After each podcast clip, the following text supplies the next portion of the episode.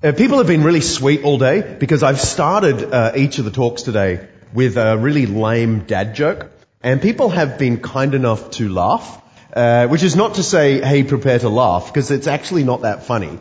Uh, but it, it, it, really is relevant to what I want to say, uh, even if it sort of lacks in, uh, in, in drop dead funniness. four people on an aircraft that lost power to all its engines started careering toward the earth and the pilot came out to the three passengers and said, look, we're going down, uh, and it's a real problem because there are only three parachutes. My plane, my parachutes, I've got to take one. So he straps it on, jumps out. Left on the plane were a brilliant professor, right? A minister of religion and a backpacker just making her way around the world. And the professor stood up and said, look, I have to survive. I have to take one of the last parachutes because I am one of the greatest minds in the world. I'll be sorely missed. The others thought that seemed reasonable enough. So he grabbed, strapped on, jumped out. The minister started to say to the backpacker, look, I've lived a long life. I know where I'm going when I die. You take the last parachute. She stopped him and she said, no, it's okay. That brilliant professor just jumped out with my backpack strapped on. See, you're so sweet. Completely untrue, in case I've disturbed anyone. But it illustrates something that is really true. It's possible to assume you have the real thing, when in fact you have a poor substitute. That is a serious problem jumping out of an aircraft at 30,000 feet with nothing but a PhD and a backpack.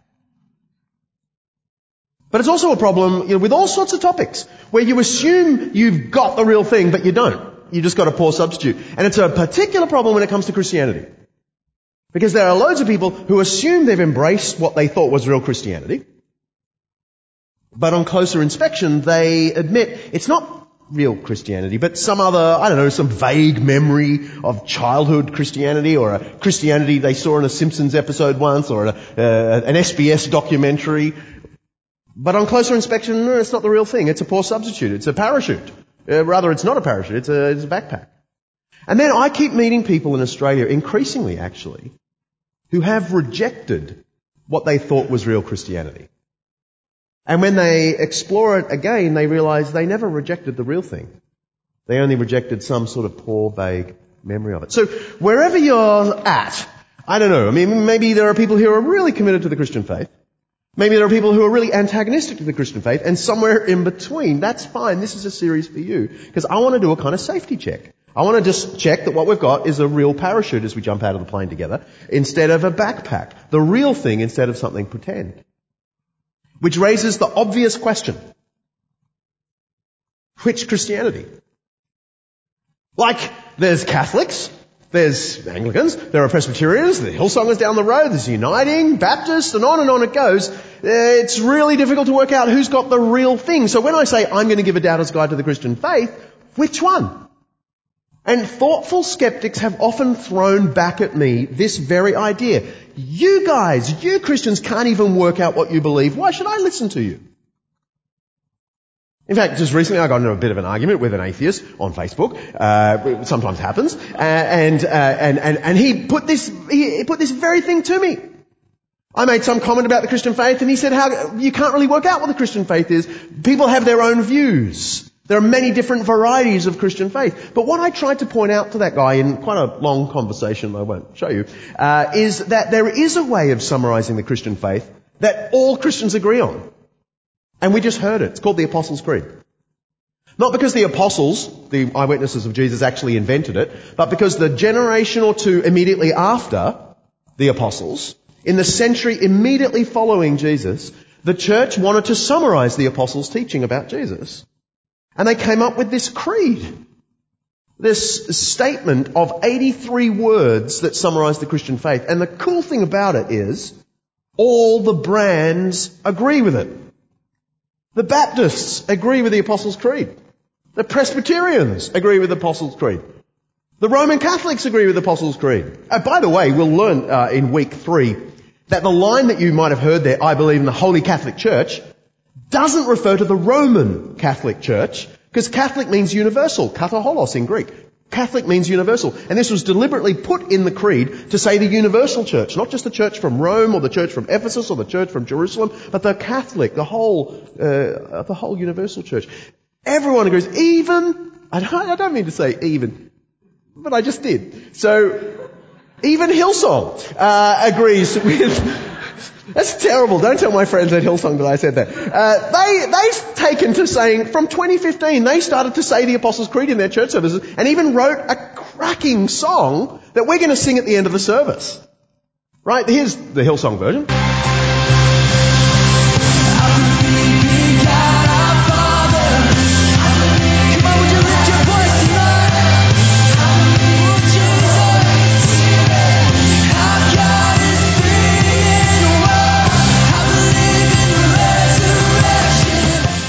I reckon we'll do better. All right, when we pull this out. The, the thing is that my friends at Hillsong told me that that song went to number one in Indonesia. Indonesia is the largest Muslim country on earth. And that song about the Apostles' Creed went to number one. Anyway, my point is, there is a way of summarizing the Christian faith, of doing the safety check on the Christian faith, that all brands agree on. And over these three weeks, we're going to take bit by bit the Apostles' Creed. And this week we're going to just do uh, the the opening theme. Uh, the opening line is about God, and so we're just going to look at the reality of God and what would it mean to actually take it seriously. Then next week we're going to look at the history of Jesus. And then in the third week, the third stanza of the Creed, we're going to look at the life of the Spirit. So that's the plan. I hope that sounds like a good plan. Today's plan is just to zero in on the reality of God and look at the opening line of the Apostles' Creed, which is really simple. I believe in God, the Father Almighty, maker of heaven and earth. And you might think, hang on, that's just so basic. It's the most obvious thing. Yes, it is. And it's deliberately recalling the opening line of the Bible, right? You know uh, that we just heard, heard read to us. In the beginning, God created the heavens and the earth. And so the people who put the Apostles' Creed together are obviously saying the first thing we have to say is we believe in God the Father Almighty, maker of heaven and earth. Heaven and earth means everything, right? We would say the universe. And so the first thing to know that, about what Christians all agree on, not just one particular brand, but all the brands, is that God made everything. Okay, and you sort of go, okay, that's theology 101. I didn't have to come out tonight to uh, to discover that. Well, maybe, but it's actually intellectual dynamite. And if you come to believe it, it can create a practical revolution in your own life. And I want to try and convince you of that uh, tonight. It's intellectual dynamite because it means ultimately that God is the source of the universe. God isn't part of the universe. And this is a, a really key idea because you uh, will occasionally meet people who think of God like God is the, the fairies at the bottom of the garden or the Loch Ness monster. And if you just look hard enough, you should be able to find evidence of God. You know, God is like Santa Claus. I, I was on uh, ABC uh, uh, a few years ago, and uh, I mentioned God, and Cindy Pan uh, hit back with this description of God. For her, she said, there are many people who believe that the tooth fairy and Santa Claus are real.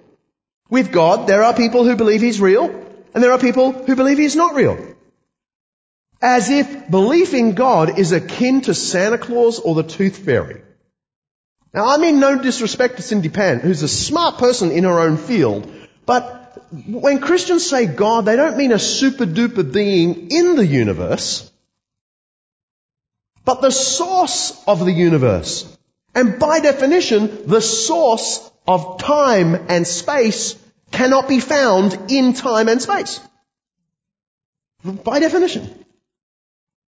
If Santa Claus exists, and I don't want to pop anyone's bubble tonight, uh, you should be able to find Santa Claus. Like, like Santa Claus is an object in the universe. If the tooth fairy exists, it's somewhere in the universe. But God isn't in the universe in that sense because God is the source of all things. Let me try and give you a, a, an illustration because I know this may sound a little bit mind-bending, but it is so profound and opens up so many vistas for looking at life. God is not like a magic wardrobe. Hidden in a, in a house of creation somewhere. And if you look in enough rooms, maybe up in the attic, maybe down in the basement, you should be able to find the magic wardrobe. You know, uh, maybe we'll be able to somehow, with the right instruments, find God in the DNA code maybe, or out on Mars waving back at us. Like a magic wardrobe hidden in the house. No. God is not an object in the house. God is like the architect of the house. This changes everything. Because you don't normally find the architect in the house. If you go home tonight and you find the architect in the house, that's going to be very weird. It would make no sense to run through the house, opening every door, looking up in the attic, down in the basement, and declaring that you can't see the architect so the architect doesn't exist. All the while missing the most incredible thing that you're in a house in the first place. With doors that open and shut, windows that open and shut, stairs in sort of uh, designed functional reality, lights that go on and off, Everything speaking of the architect. But you don't find the architect in the house. God is the source of all things. He's not one of the things. And if this is true, it means not just that he's not a bit in creation, it means creation is a gift. Creation is a gift. The creed says, I believe in God the Father Almighty, maker of heaven and earth. But, but the idea is that God is like a father who's created heaven and earth. Like it's a work of art. Like it's a gift. And that is a completely different way of thinking about physical reality. Um, many ancient cultures believed that stuff was either wicked or at least accidental. The ancient Greeks thought like this, the ancient Romans, the ancient Egyptians, ancient Babylonians. The Bible comes along and says, no, no, stuff is good. So here's that famous uh, passage in um, Genesis 1. We just read the first few lines uh, tonight. But the thing I want you to notice is the whole of chapter 1, that is the first opening chapter of the Bible, is all about how good the creation is. And the way the author has designed this is repeats the word good seven times. Right? So if you miss this, you're not reading. So God makes the light and it's declared to be good. God makes the land, it's good. God makes the vegetables, they're good. It's good, it's good, it's good, it's good, it's good, good, good, good, good. And then right at the end, at the climactic point of the chapter, it says God saw all that he had made and it was very good. Like, if you'd missed the first six, you can't miss the seventh. And the apostle Paul in the New Testament, in the passage that was just read to us, repeats the idea for everything God had created is good. Here's a little trivial pursuit thing to just have in your back pocket, you know, if you need it one day. The, the, the uh, weird English expression, goods, comes from the Bible. Have you ever thought about what, why do we call, like, veggies, and, you know, apples, fresh goods? Goods. You ever thought about that? We, and we talk, we, we, we refer to fridges as white goods. And electrical goods. And the government taxes goods and services. Goods.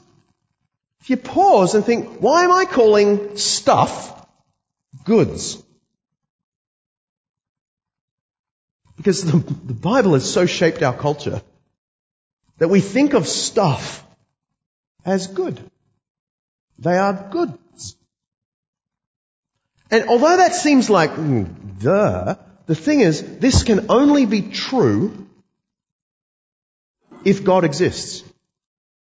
Because if God doesn't exist, if everything is accidental, including you, your neighbor, all the stuff, it's accidental. There can be no meaning and value and significance in things. Sure, you can find meaning and value and significance. You can make it up and feel pleasure. Sure, an atheist can do that just as well as anyone else. But the atheist knows there's no actual meaning or significance in the things. Because it's accidental. They're not goods. They're just there. Here's Richard Dawkins, the world's most famous atheist, saying exactly that about his atheistic view. The universe we observe has precisely the properties we should expect if there is at the bottom no design, no purpose, no evil, and no good. Nothing but blind, pitiless indifference. I've often thought if you really woke up in the morning and sort of put that thought in the front of your head, it wouldn't be a very happy existence, would it? There's no good, there's no evil, there's no purpose. It's all just blind, pitiless indifference. The, the, the thing is, I don't think atheists are like that. They're not all moping around. Of course not. There may be atheists here, and I just want to make clear, I'm not saying that, you know, because this is what atheism says, then, you know, you're moping around and, you know, there's no meaning in my life and whatever. But I do want to suggest it's only because you can put that thought out of your head when you get out of the morning and go into the world that you can feel any sense of meaning and pleasure and good and evil. It's because we don't actually allow atheism to be any kind of principle in our lives. Because if you really took it seriously, it's profoundly problematic. And my point is, when we say, I believe in God, the Father Almighty, maker of heaven and earth, we are saying, no, no, no, stuff is good. They are goods. My neighbor, my body, food, electronics. It's all a gift brimming with the significance of the love of the Creator. Maybe I can illustrate it like uh, like this. On my um, mantelpiece in my home office sits this carving. The famous uh, three wise monkeys who saw no evil, spoke no evil, heard no evil. Right?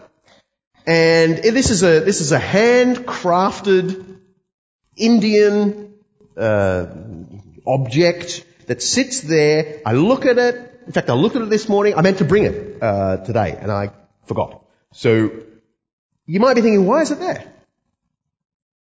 Well, um, I don't know how much you think that would be worth. Any takers? I, have been saying all day. Uh, I started out saying $10 at a garage sale? And, and, and someone over here was going, so $5, you reckon I could get $5 for it? It's about this big. It's kind of cool. Am I getting no one? 550. Okay, you'd go 550. Okay. You know, I wouldn't sell it to you for 550. You know why? Because this was a gift from my father after one of his many trips to India the year before he died in India. I don't mean to depress you by telling you that. But this for me is brimming with significance. This isn't just an object, it's an object with all of the significance of a gift of love from my father. I wouldn't sell it to you. You couldn't give me enough money for this. I still enjoy the object. It seems like I'm the only one in the room that does, right? like I love the objectness of it. And you know, I will sometimes hold it and I, I like it. But the thing is, I get that plus all the meaning attached to it as a gift from my father. And, and the reason I'm going on and on about this is because if you believe that God is the Father Almighty who made heaven and earth, you can wake up in the morning and go out into a world knowing that the world is a gift of the Father, that you are a gift to the world from the Father, that your neighbor is a gift. And I know, please don't mishear me, I know there's stuff that's gone wrong in the world. But at the fundamental level, it is a gift. And your existence and your neighbor's existence and the food you eat and the climate, creation, it all matters profoundly because it's bursting with the significance of a gift of love. And I reckon that changes everything. If you really believe that, it changes everything.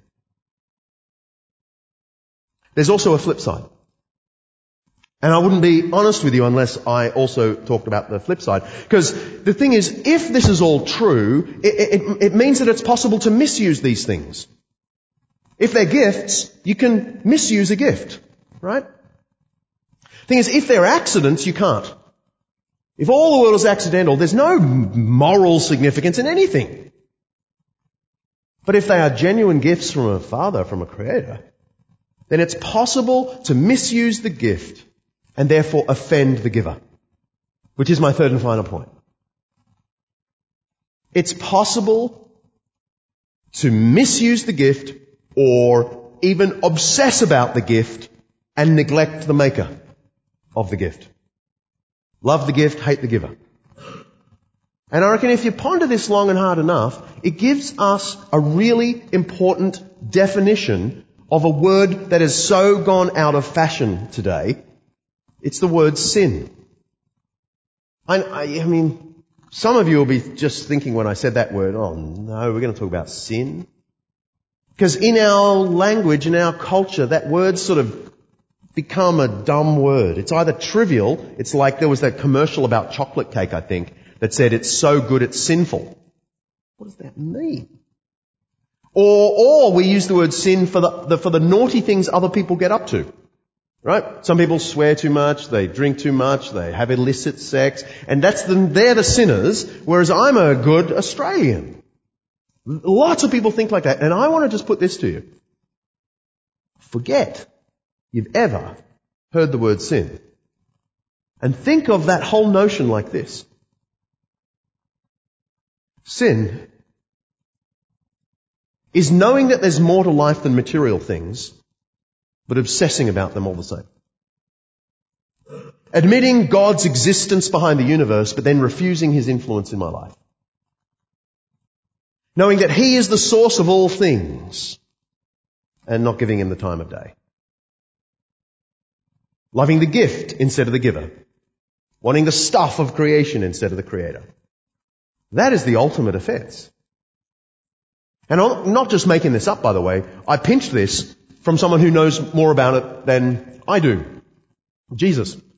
Because Jesus told a parable, like a, an illustration, a hypothetical, to illustrate what a sinner is. And he decided to put it in relational terms of a child with the father. And uh, this son goes up to the father one day and says, I want the inheritance now. The, the money I get when you're dead, Dad, I just like it now. Would that be okay?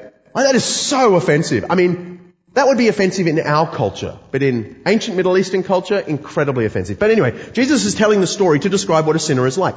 And the father obviously represents God. And the father in the story at least says, okay, okay, have your wish. And then we read that the younger son said to his father, give me your, uh, my share of the estate.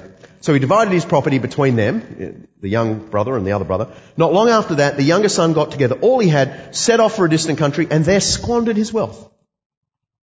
Here is Jesus' picture of a sinner. It's like a child who wants all the gifts of the father and nothing to do with the father. And I reckon on that definition, Australians are world experts.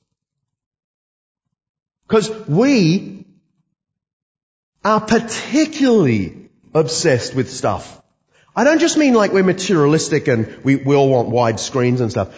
Australians are unusually obsessed about the kind of the good life, living the good life, having a relaxing life, having pleasures, experiencing stuff. But are we so good at thanking the creator of all the stuff? Asking how these things should be used, apologizing to the maker for the misuse of them. Because this is the real issue. The misuse of the gift of creation. I mean, you just take an example like sex. The Bible's critique of certain kinds of sex is not because the Bible's down on sex. It's because sex is a gift. It's part of the gifts of the Father. And along with gifts come the purpose of the gift. And if we say, no, no, no, it doesn't, doesn't matter what the Creator wanted the purpose of this gift to be, I'm going to use it for whatever I like. That's the problem. The dishonoring of the gift.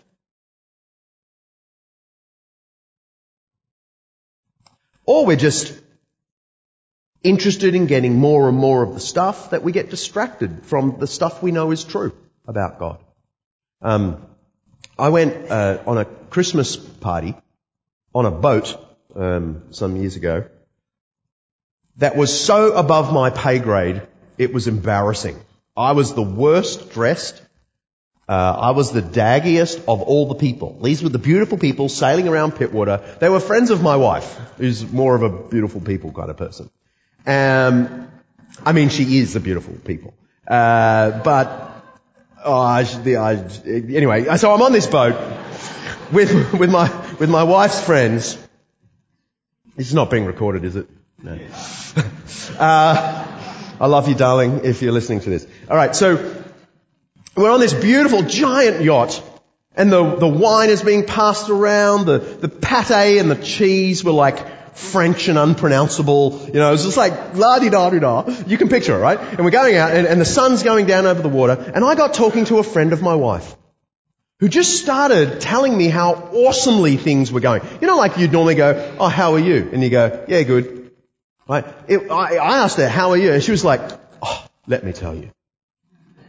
And she launched into this whole thing about uh, her husband had just got a whacking promotion, so they were really financially secure. They just um, bought a property on the northern beaches, so they were feeling domestically secure. And the kids, her kids were about to start at school in a couple of months, and so she felt like she had some me time, and she was just going on and on like this, and you know, I was trying to sort of withhold jealousy and all that sort of stuff.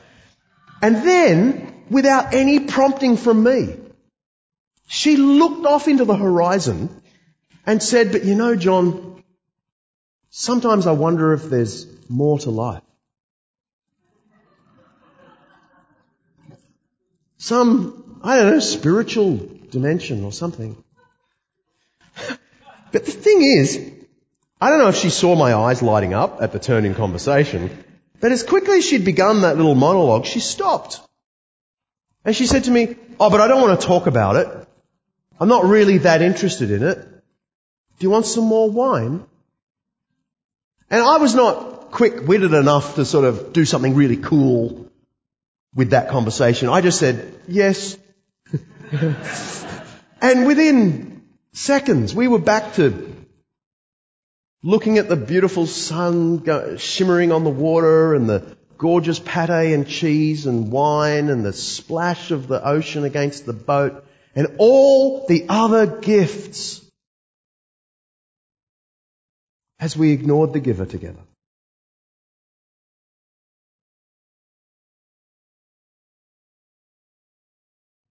That is classic Aussie spirituality. I don't necessarily mean on a yacht with unpronounceable pate. I just mean in our daily life, obsessing about the stuff and forgetting the Almighty. Father Almighty, maker of heaven and earth. Just as well, isn't it? That when Jesus closed the parable, he said God is so much like a father, he welcomes back the prodigal son. This is awesome because um, the, the way the parable works is um, Jesus says, you know, the, the son goes away and spends, squanders all the wealth, right? He wants it, all the father has to give him, but then he doesn't want anything to do with the father. And then Jesus said, just before this bit on the screen, I should have put it up on the screen. Anyway, Jesus said, the boy came to his senses. Think about that. Jesus thinks becoming a Christian, because this is a picture of someone becoming a Christian, is coming to your senses. I know, like the rumor out there is becoming a Christian is like turning off your brain. You know, and becoming a robot. You know, bigoted automaton who, you know, now can't think for themselves. They now have to, you know, think God thoughts or whatever. No, no. Jesus said, it's coming to your senses about reality, about God, about yourself. Anyway, so he comes to his senses and then Jesus says, he starts going back to the Father. And that's where we pick up this story. While he was still a long way off, his Father saw him I bet the audience is thinking, oh, I wonder what the Father's going to do. Because the Father's a picture of God. And many in the audience would have thought, right, now we're getting a really good story of fatherly discipline. He's going to grab this son, clip him behind the ear, send him to his room until he's made up for his wrongdoing. Mm-hmm. But look what happens. Was filled with compassion for him. He ran to his son, threw his arms around him and kissed him. And that is Jesus' picture of God.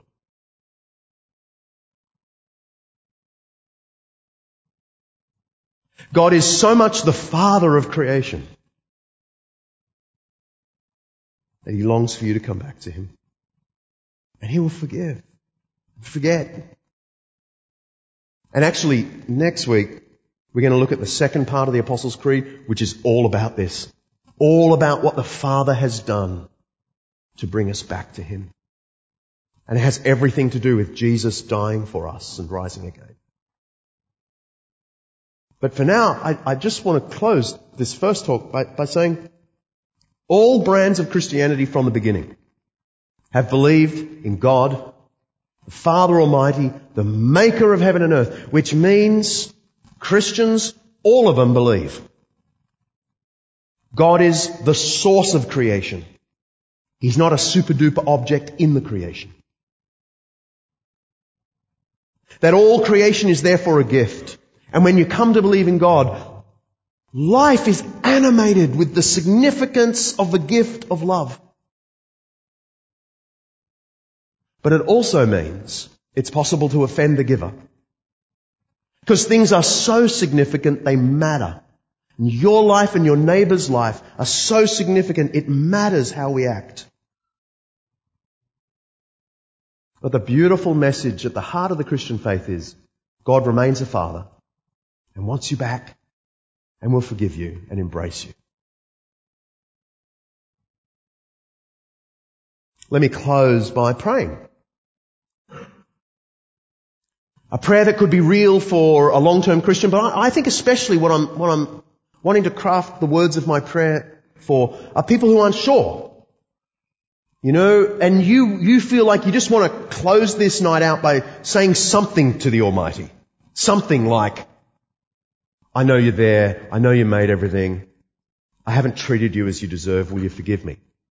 That feels like the most logical thing to do for a, for a creature. And so let me close by praying exactly that. You might want to echo it in your own mind to God.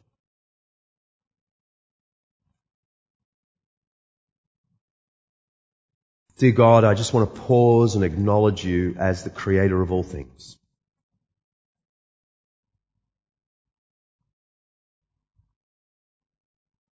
You are the source of all life and breath.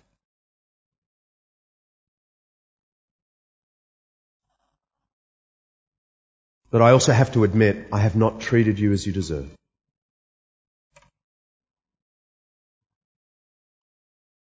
I have dishonored you.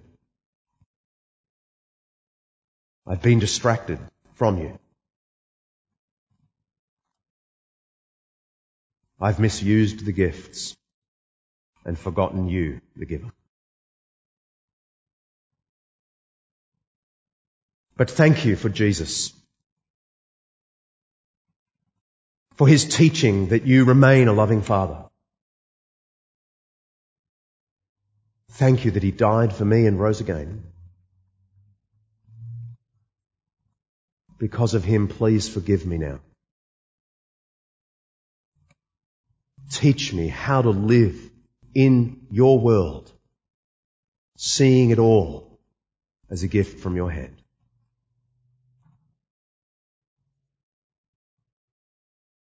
I ask it in Jesus' name. Amen. I realize that for some that's too quick, and that's fine. Maybe you'll come back next week, you know, for part two.